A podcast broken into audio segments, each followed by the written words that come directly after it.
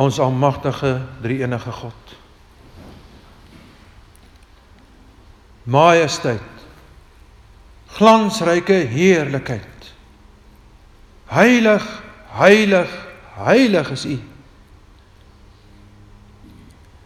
U die skepper van hemel en aarde, van die mensdom, die dierryk, die see en alles wat daarin is.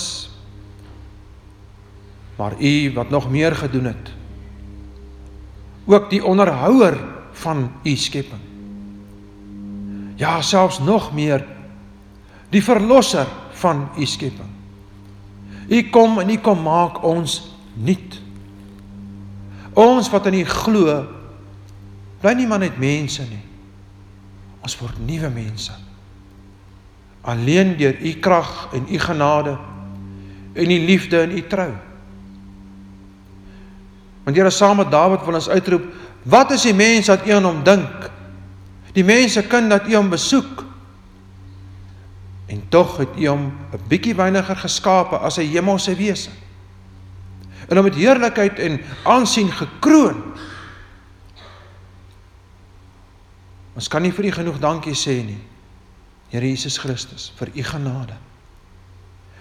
U bemoei U al deur millenniums heen met die mens. Ten spyte daarvan dat ons elke dag teen die sondig. Ten spyte daarvan dat ons so dikwels U teleurstel. Kom U en U vergeef ons. En ten spyte van die pyn en die lyding wat hierdie wêreld ervaar, bly U steeds in beheer. Ten spyte van teenkanting van allerlei aard teen U kerk, selfs van binne die kerke, hou U U kerk steeds in stand. En meer nog, U is met ons op pad na 'n ewigheid. 'n Ewige bestemming wat vir elkeen van ons wat glo, die ewige lewe beteken.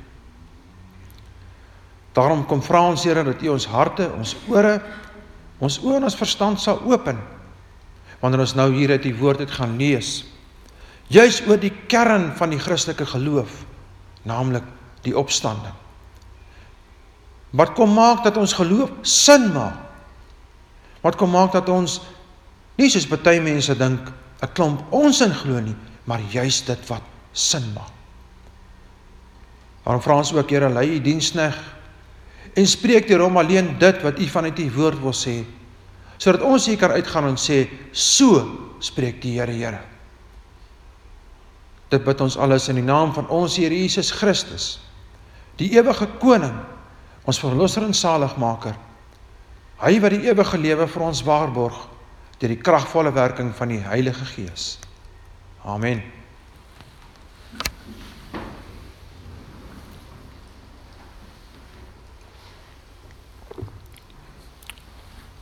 Geliefdes, ons skriflesing vind ons vanmôre vanuit 1 Korintiërs 15 vanaf vers 50 tot 58.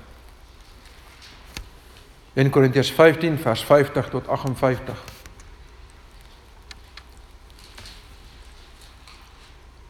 En wanneer ons hier by 1 Korintiërs 15 kom,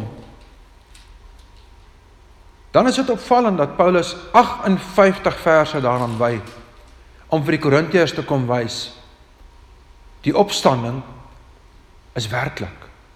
Dit bestaan. Hy kom bou eintlik sy hele argument rondom een kernwoord sinvolheid. Hy sê vroeër in in in Korintiërs 15, wat sou dit gehelp het as Christus nie uit die dood het opgestaan het nie? Ons prediking is te vergeefs, ons geloof is te vergeefs, alles is te vergeefs. En dan kom hy hier vers 50 af en hy kom sluit sy argument af met hierdie agt pragtige verse wanneer hy sê Maar dit verklaar ek broeders dat vlees en bloed die koninkryk van God nie kan beerwe nie. Ook beerwe die verganklikheid nie die onverganklikheid nie. Kyk, ek deel julle 'n verborgenheid mee. Ons sal wel nie almal ontsnaap nie, maar ons sal almal verander word. In 'n oomblik, in 'n oogwink, by die laaste bassein. Want die bassein sal weer klink en die dode sal onverganklik opgewek word en ons sal verander word. Want hierdie verganklike moet met onverganklikheid bekleed word en hierdie sterflike moet met onsterflikheid bekleed word.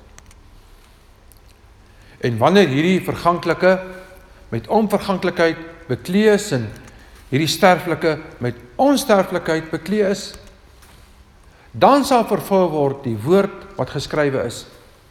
Die dood is verslind in die oorwinning. Dood, waar is jou angel? Doodryk, waar is jou oorwinning? Die angel van die dood is die sonde. En die krag van die sonde is die wet. Maar God sy dank wat ons die oorwinning gee deur ons Here Jesus Christus. Daarom, my geliefde broeders, wees standvastig, onbeweeglik, altyd oorvloedig in die werk van die Here, omdat julle weet dat julle arbeid in die Here nie te vergeefs is nie. Tot sover lees ons saam die woord van die Here vanmôre. As teksverse kyk ons na verse 55 en 58 wat sê Dood, waar is jou angel? Doodryk, waar is jou oorwinning? Daarom my geliefde broeders, wees standvastig, onbeweeglik, altyd oorvloedig in die werk van die Here, omdat julle weet dat julle arbeid in die Here nie te vergeefs is nie.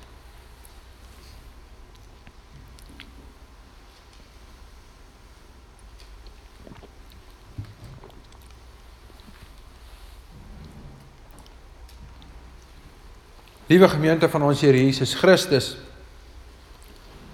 om te oorwin is vir elkeen van ons baie belangrik. As ons 'n taak aanpak, wil ons dit graag suksesvol afhandel, sogenaamd oorwin. Niemand wil 'n taak aanpak wat nie suksesvol afgehandel word nie. Maar nie net om te oorwin nie, ook om sin te maak van dit waarmee ons besig is. Wie sal hom besig hou met 'n klomp sinnelose dinge? Kyk 'n mens byvoorbeeld na die bekende skildery wat Rafael in die 1500s geskilder het. Kom die vraag onwillekeurig by mens op. Watter persoon in die skildery maak meer sin? Die skildery is as volg uitgebeeld. Twee groot Griekse filosowe, Plato en Aristoteles, staan langs mekaar. Plato wys met sy vinger na bo en Aristoteles wys met sy hand na onder. Om die skildery se agtergrond te verstaan, moet 'n mens iets weet van Plato en Aristoteles. Wat het hulle geleer?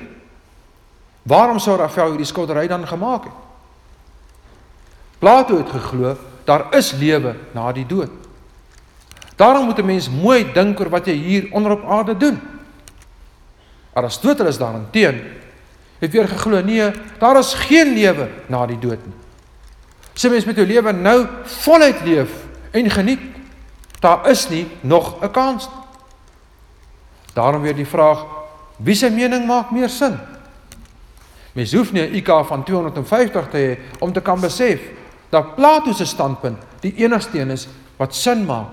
Trouwens, dis Bybels.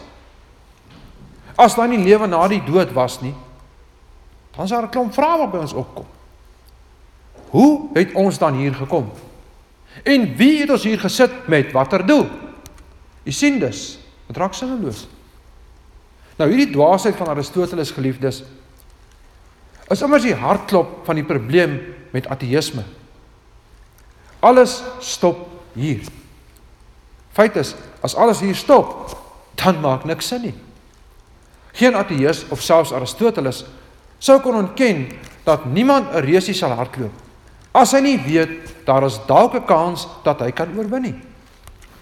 Trouwens, wie doen aansoek vir 'n werk as hy nie dink daar is dalk 'n moontlikheid dat hy die werk kan kry nie? Geliefdes, as die ateïs konsekwent wil wees, moet hy dus nie atletiek doen nie. Hy moet ook nie aansoek doen vir 'n werk nie. Want hy glo mos nou in niks. Maar weet jy, Dis nie net Aristoteles en ons hedendaagse ateïsme wat so dwaas in hulle standpunte was nie en hierdie standpunt houdig nie. Ook die Sadduseërs in die Here Jesus se tyd het nie in die opstanding uit die dood geglo nie.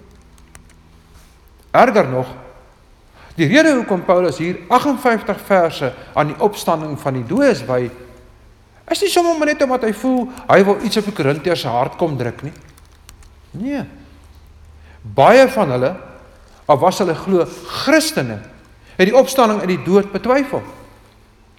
Juist daarom kom skrywe Paulus aan hulle en sê: "Nee, my geliefde broeders, as Christus nie uit die dood opgestaan het en daar is ook geen opstanding van die dooies was nie, watter nut en sin het ons geloof dan? Dan is ons prediking alles te vergeefs. Dan is alles wat ons glo totaal te vergeefs. Dan beteken ook ons arbeid in die Here net mooi niks. Gelukkig weet ons en dit bewys Paulus ook vir ons.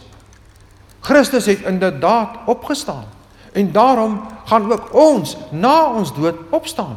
Verheerlik word saam met Christus en vir ewig saam met hom lewe. Die boodskap is dus sonder die hoop van die ewigheid maak Christendom glad nie sin nie. Die vraag is nou, hoekom? Ons is 'n bietjie daarin geraak, maar Kom ons gaan kyk dieper. Hoekom maak Christendom glad nie sin sonder die hoop van die ewigheid nie? Ten eerste hoop van die ewigheid beteken dat die angel van die dood gebreek is. Geliefdes in die Here Jesus. Wanneer Paulus in ons geleesde gedeelte hier in hoofstuk 15 van 1 Korintiërs kom, sluit hy 'n lang bespreking af wat hy reeds vanaf hoofstuk 12 aan die orde gestel het naamlik die Korintiërs se beheftheid met die spreek van tale. Met ander woorde, die feit dat hulle so gepla was daarmee om in tale te praat, daardie gawe. Jy sal onthou 1 Korintiërs 13 wat handel oor die liefde is juis gemik op die feit dat die liefde die grootste gawe is en nie die spreek van tale.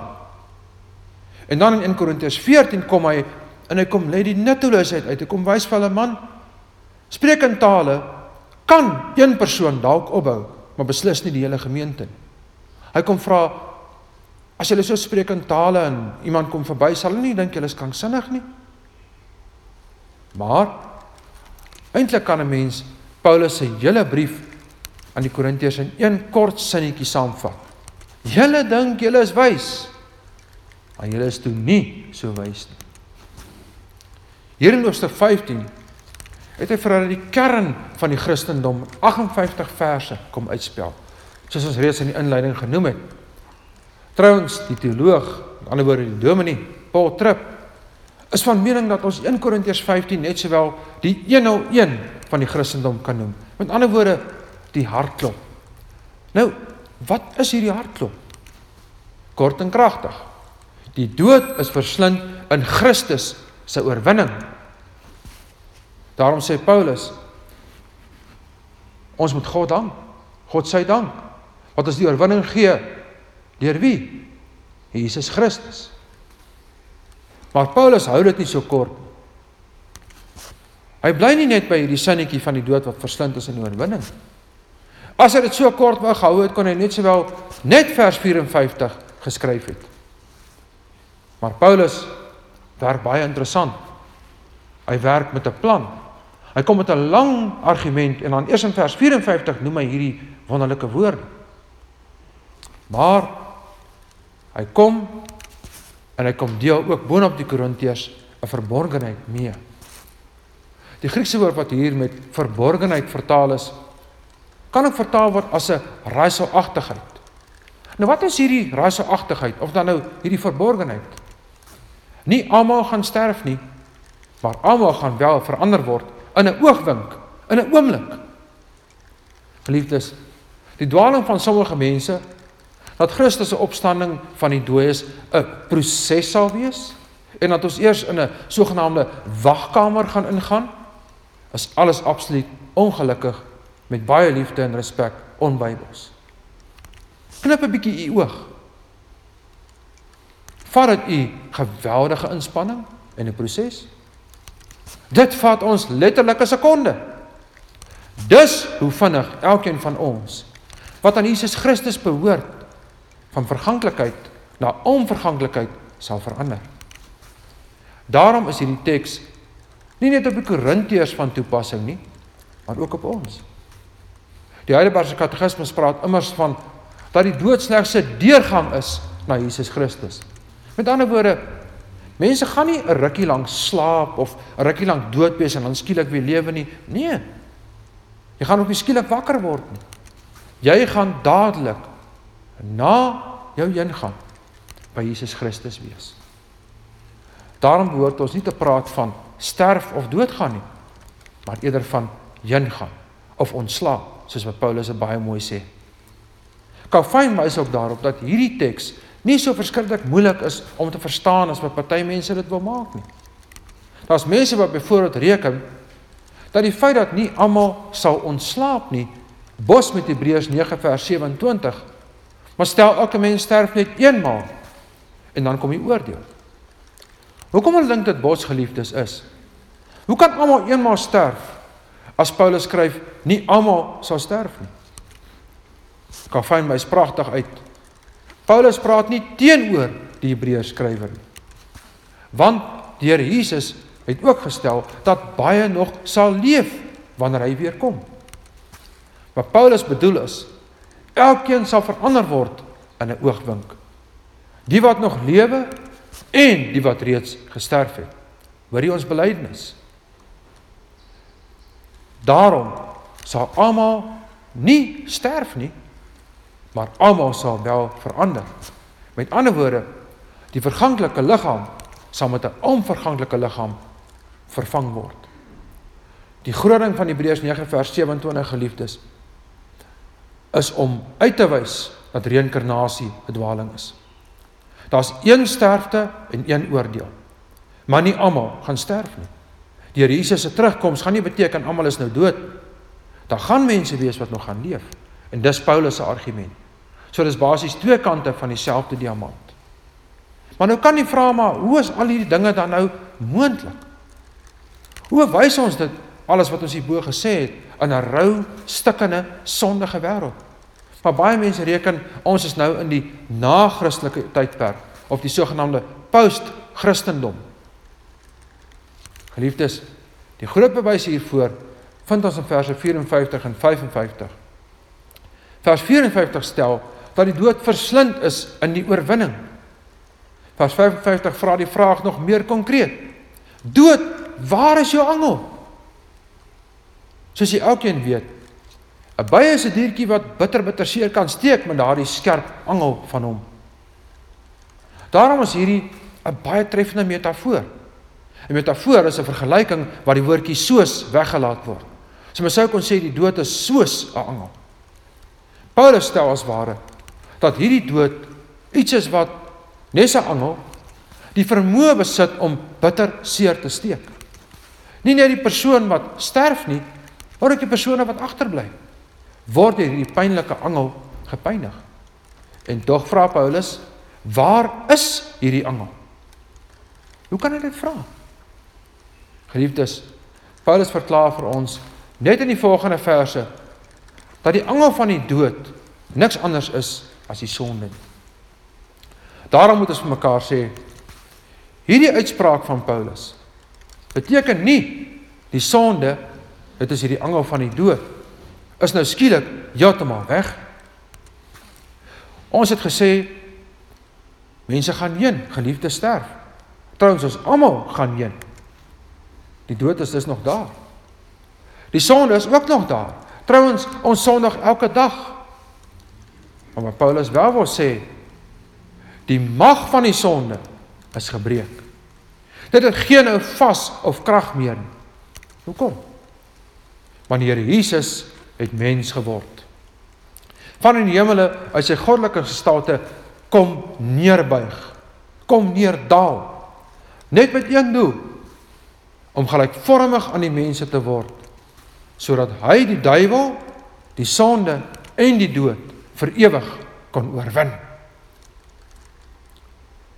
Daarom kan ons Calvin se pragtige verklaring met gerusstellende troos ter harte neem. Hierdie angel het as ware nou nie meer die verskriklike pynlike steekkrag wat hy sou gehad het as God vir die mens en die sonde kwaad gebly het nie. Nee. Hierdie angel het nou stom geword. En hy skraap sy slagoffer net so liggies. Dis amper soos om u kind te red net voordat die buise gif se angel in sy lyfie ingaan. Die angel, dit is die sonde, die Here Jesus kom seker maak. Sal niemand, maar niemand wat aan hom glo, wat verlore gaan. Maar hulle vir ewig veilig in sy liefde toevou. Van hierdie nagevolge van die dood verlos. Daarom al is die sonde daar, ja, al het dit oormag oor ons, Al is ons onmagtig om die dood te keer wat oor ons pad kom, het Christus se almag, die oormag van die sonde, sowel as die onmag van die dood van elke gelowige kom wegneem. Trouwens, as Christus nie gekom het nie, geliefdes, was dit 'n eindelose siklus van lewe, dood, lewe, dood. Dit het Christus kom breek. Hy kom seker maak dat diegene wat sterf vir ewig sal leef en dat dit nie nodig is dat lewe en dood die hele tyd moet heers nie. Net lewe, die dood hoef nie te heers nie. Want dink so daaraan geliefdes, as ons sê ons is onmagtig teen die dood en die sonde is oormagtig, maar Christus is almagtig. Watter kans het onmag en en oormag teen almag? Daarom gee die hoop van die ewigheid ons die troos dat die angel van die dood se mag gebreek is. Meer nog, wanneer ons in die ewigheid kom, sal net sy mag gebreek wees nie. Maar daar sal geen angel, dit is die sonde of die dood meer wees nie. Daarom kan Paulus inderdaad skrywe dat die dood verslind is in die oorwinning. En spotting vra: "Dood, waar is jou angel?" Ten tweede, Hoop van die ewigheid beteken dat die oorwinning van die doderyk verslind is. Maar geliefdes, nie net kom neer Paulus ons dat die Here Jesus die angel van die dood se mag gebreek het nie. Hy vra in die tweede deel van vers 55: Doderyk, waar is jou oorwinning? Hier moet ons vir Aristoteles en die ateïsme van ons dag vra: Dink julle regtig dis sinvol om deur die dood oorwin te word? sien hulle regtig eerlikwaar uit daarna om dood te gaan? Nooit weer te leef nie en terug te kyk op julle lewens met duisende vrae. Want sien liewe broers en susters, ateëste reken as jy die dag op jou sterfbed lê, kyk jy nie vorentoe nie, jy kyk terug. Jy wens jy het eerder hierdie pad gevolg as daardie een. Jy wens jy het eerder eh, met die metgesel van jou jeug getrou as die vrou met wie jy wel getrou het ensovoorts ensovoorts.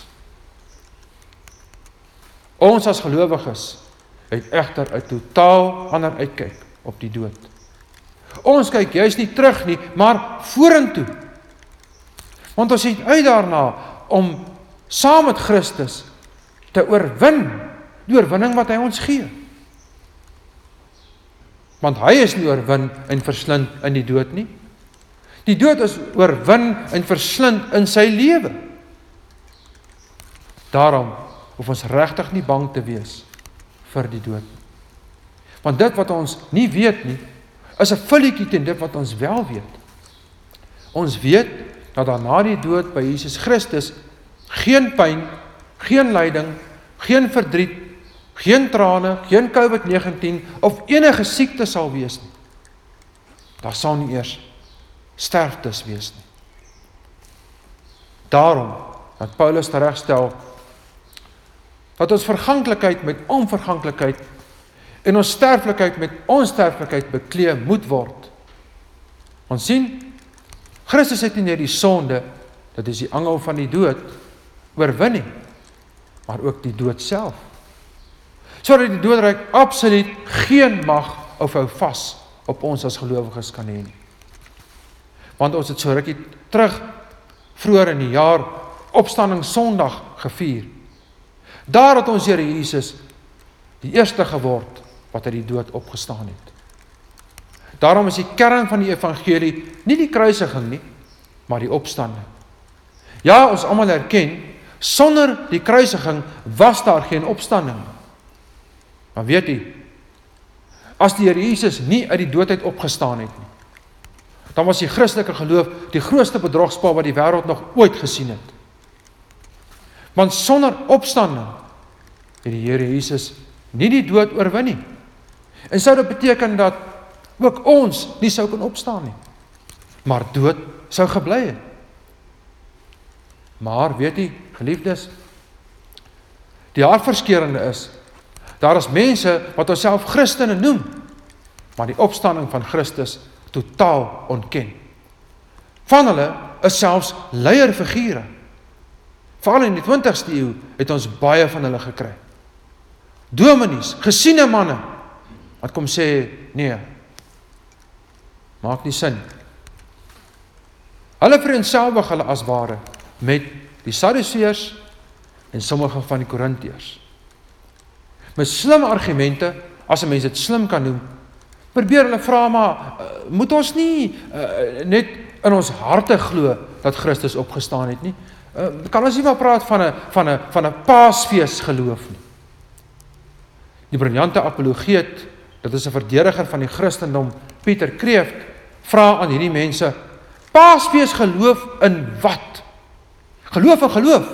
Dit maak tog nie sin nie. Dit kan tog nie waar wees nie. Want sê hy as Jesus nie uit die dood uit opgestaan het nie, bly drie vrae onbeantwoord. Wie het die klip van die graf weggerol? Wie het die liggaam van die Here Jesus gekry? En wie die onwaar onsin oor Jesus se dood en opstanding opgetower en hoekom? Jy sien dis liewe broers en susters, die hele kwessie van sinvolheid. Ons het in die begin gevra, wat is meer sinvol? En hier moet ons dit weer vra. Want dit is beslot van sake net meer sinvol om te glo dat ons Here Jesus wel uit die dood opgestaan het sodat ons ook kan opstaan om geloof in hom te hê as om te reken hy het nie regtig opgestaan nie. Ons moet dit maar net in ons harte glo. Want die feit is wat word dan van ons eie opstanding as Christus nie opgestaan het nie? Watter hoop het ons dan? In om geloof en geloof te hê? Enigiemand al is hy hoe dwaas sou vir jou sê dit maak glad nie sin nie. Dit klop dood eenvoudig. Mens moet tog geloof in iets hê. Nie in geloof self. Wanneer Paulus dan hier vir ons sê Dood, waar is jou angel? Doodryk, waar is jou oorwinning? Is dit nie net vir ons 'n massiewe troos dat daar hoop is vir ons na die dood nie? Maar ook 'n bewys van hoe waar God se woord is. En weet jy geliefdes, Paulus skryf dit nie sommer net nie. Hy gaan terug na die Ou Testament. In Hosea kry ons amper presies dieselfde bewoording. Wat vir ons net weer staaf dat die Ou Testament en die Nuwe Testament mekaar volmaak opvolg. Dat dit een bundel is, een testament. Nie so sommige beweer soos die kerkvader Marcion, die Ou Testament is die God van toring en wraak, Nuwe Testament is die God van liefde. Nee, dit is weer eens nie sinvol nie. amper in die presiese selfde woorde vind ons in in in Hosea 13 vers 14 dood Waar is jou pestilensies? Doodryk, waar is jou verderf? Dis leer die skrif ons. Daar is ook 'n einde gemaak aan die prys en die verderf en ook die pes van die dood en die doodryk wat dit meebring. Ons wat eintlik verdien om vir ewig aan die pes en die verderf, dit is om vir ewig gepynig te word, deel te hê word die liefde van God in die genade van ons Here Jesus Christus deur die kragtige werking van die Heilige Gees nie vir ewig gepynig nie maar vir ewig gevrywaar van ons skulde want ons skuld is betaal deur Jesus se bloed het vir ons elkeen se skuld betaal. Hiervoor geliefdes, moet ons die Here elke dag dank. Ons behoort immers daagliks te bid. Ons moet hom dank omdat hy steeds aanhou en aanhou om geduldig, liefdevol en getrou met die mensdom besig te wees. Ongeag die verrotheid van elke mens se hart. En ons kan weet dat ons hom jubelend kan dank. Want die doderyk kan maar net kopskinnend antwoord as ons ons sou vra waar is jou oorwinning en sê uh, uh, uh, ek weet nie. Ek weet nie. Want die dood die grootste mag van die Satan is verslind in die lewe wat ons Here Jesus gee. Ten derde hoop van die ewigheid beteken dat ons arbeid in die Here nie te vergeefs is nie. Liewe gemeente, wat 'n wonderlike troos. Die dood is immers nie die einde vir 'n gelowige nie, maar die begin. En tog kan 'n mens reg nou vra, maar wat dan nou van ons hier op aarde? Dis 'n goeie en 'n geldige vraag, geliefdes. Daarom sluit Paulus sy argument af met 'n oproep wat ook vir ons groot blydskap en bemoediging bring. So baie keer wonder ons, is my arbeid regtig die moeite werd? My arbeid in die Here. Is ek enigstens van nut vir God? Soms sukkel ek selfs om staande te bly. Hoe dan nou? Dan kom stel Paulus vaderlik en met groot hoop, geloof en liefde as die spreekbuis van ons Here Jesus. My geliefde broers en susters, wees dan vastig, onbeweeglik, altyd oorvloedig in die werk van die Here. Maar dan gee hy baie goeie rede daarvoor. Want op sigself maak dit nie so lekker sin om verniet standvastig, onbeweeglik en oorvloedig te wees nie. Selfs nie in die werk van die Here as dit geen doel dien nie. Juist daarom voeg Paulus hieraan toe. Doen hierdie dinge omdat jy weet dat jy arbeid in die Here nie te vergeefs is nie. Geliefdes, hoor u dit? U arbeid in die Here is nie te vergeefs nie. Maak nie saak hoe klein dit is nie. Dit mag dalk vir u so lyk. Dit mag dalk selfs vir u so voel. Maar eendag op die dag van die Here Jesus sal elkeen van ons ryklik beloon word vir sy moeitevolle goeie arbeid. Want die Here Jesus het immers gesê: "Sover julle dit aan die geringstes gedoen het, het julle dit ook aan my gedoen." Daarom al kan ons werke nie red nie. Moet ons ag gee op ons werke. Ons moet onthou daar wag 'n beloning. Hierdie beloning word vir ons pragtig in Openbaring 3 vers 21 beskryf. Aan hom wat oorwin, sal ek die kroon van die lewe gee. Weet jy geliefdes? Hierdie is nie net vir ons self 'n troos nie. Maar ook vir hulle wat ons voor tot weersiens moes sê.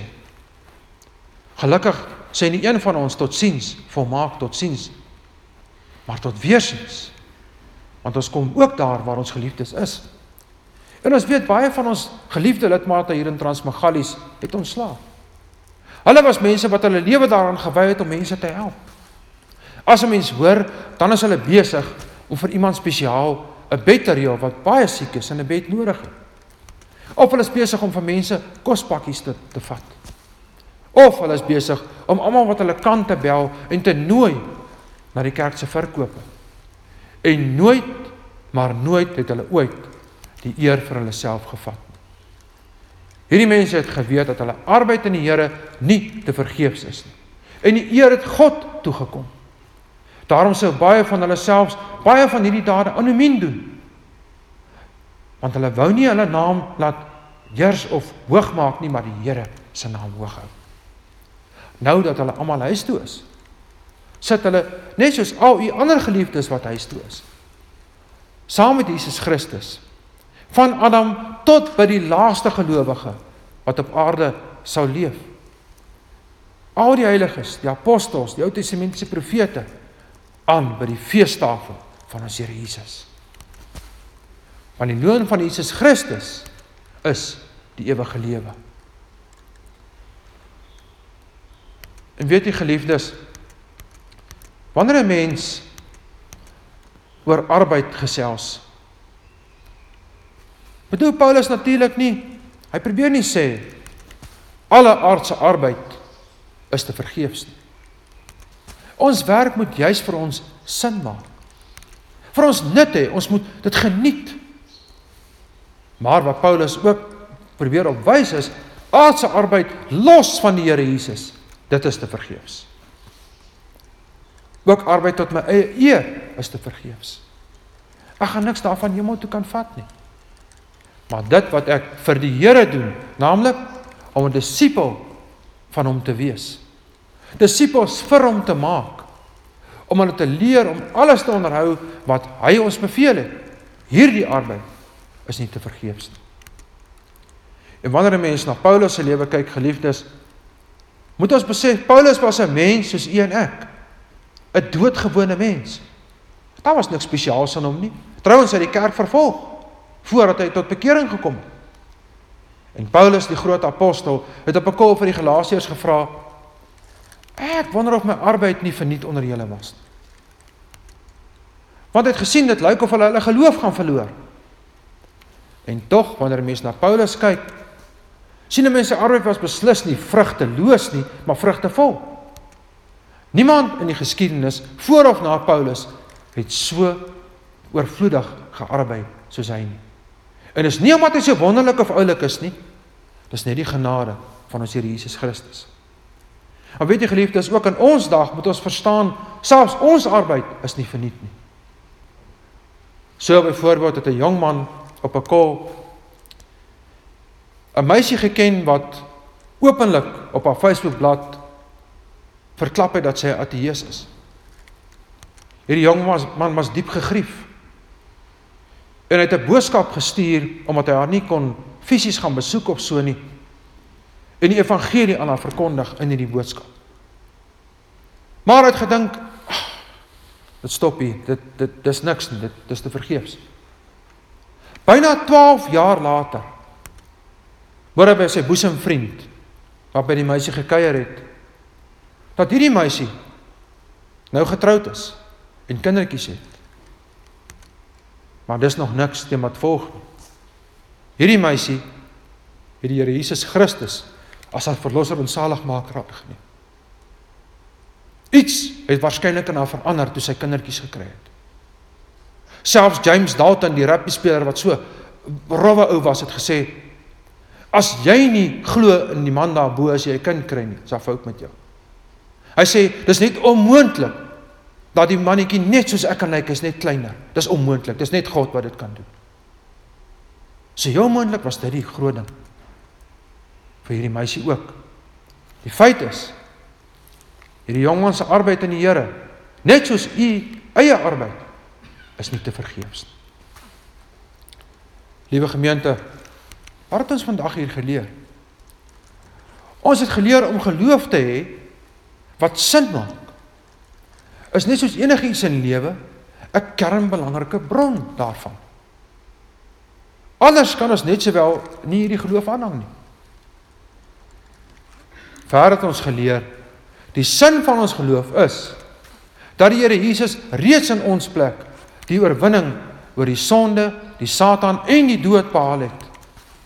En dat ons daarom ook uit kan sien om saam met hom te oorwin. Verder het ons geleer wat nou van belang is in hierdie huidige tyd. As dit ons arbeid in die Here nie te vergeefs is nie. Daarom moet ons vir Aristoteles en die ateïsme met groot liefde en vermaaning sê Om nie hoop te hê van ewigheid nie is glad nie sinvol. Niemand hardloop 'n resies waar daar geen menstreep of hoop of oorwinning is nie. En wat vir ons ook belangrik is, geliefdes, is om te besef dat ons nou reeds die ewige lewe het. Christus maak ons nou al reeds deelagtig daarin.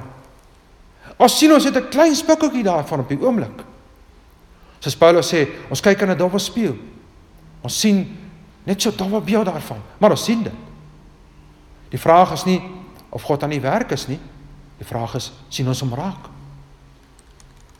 Daarom, as ons ook hierdie wedloop end uit voltooi in absolute afhanklikheid van ons God, wetende dat ons arbeid aan hom nie te vergeefs is nie, sal ook ons na ons dood nie doodgaan nie, maar heen gaan na Christus.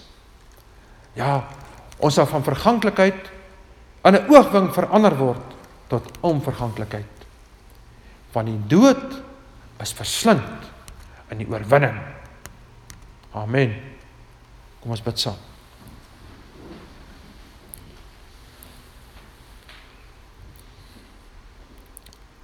Ons almagtige drie-enige God.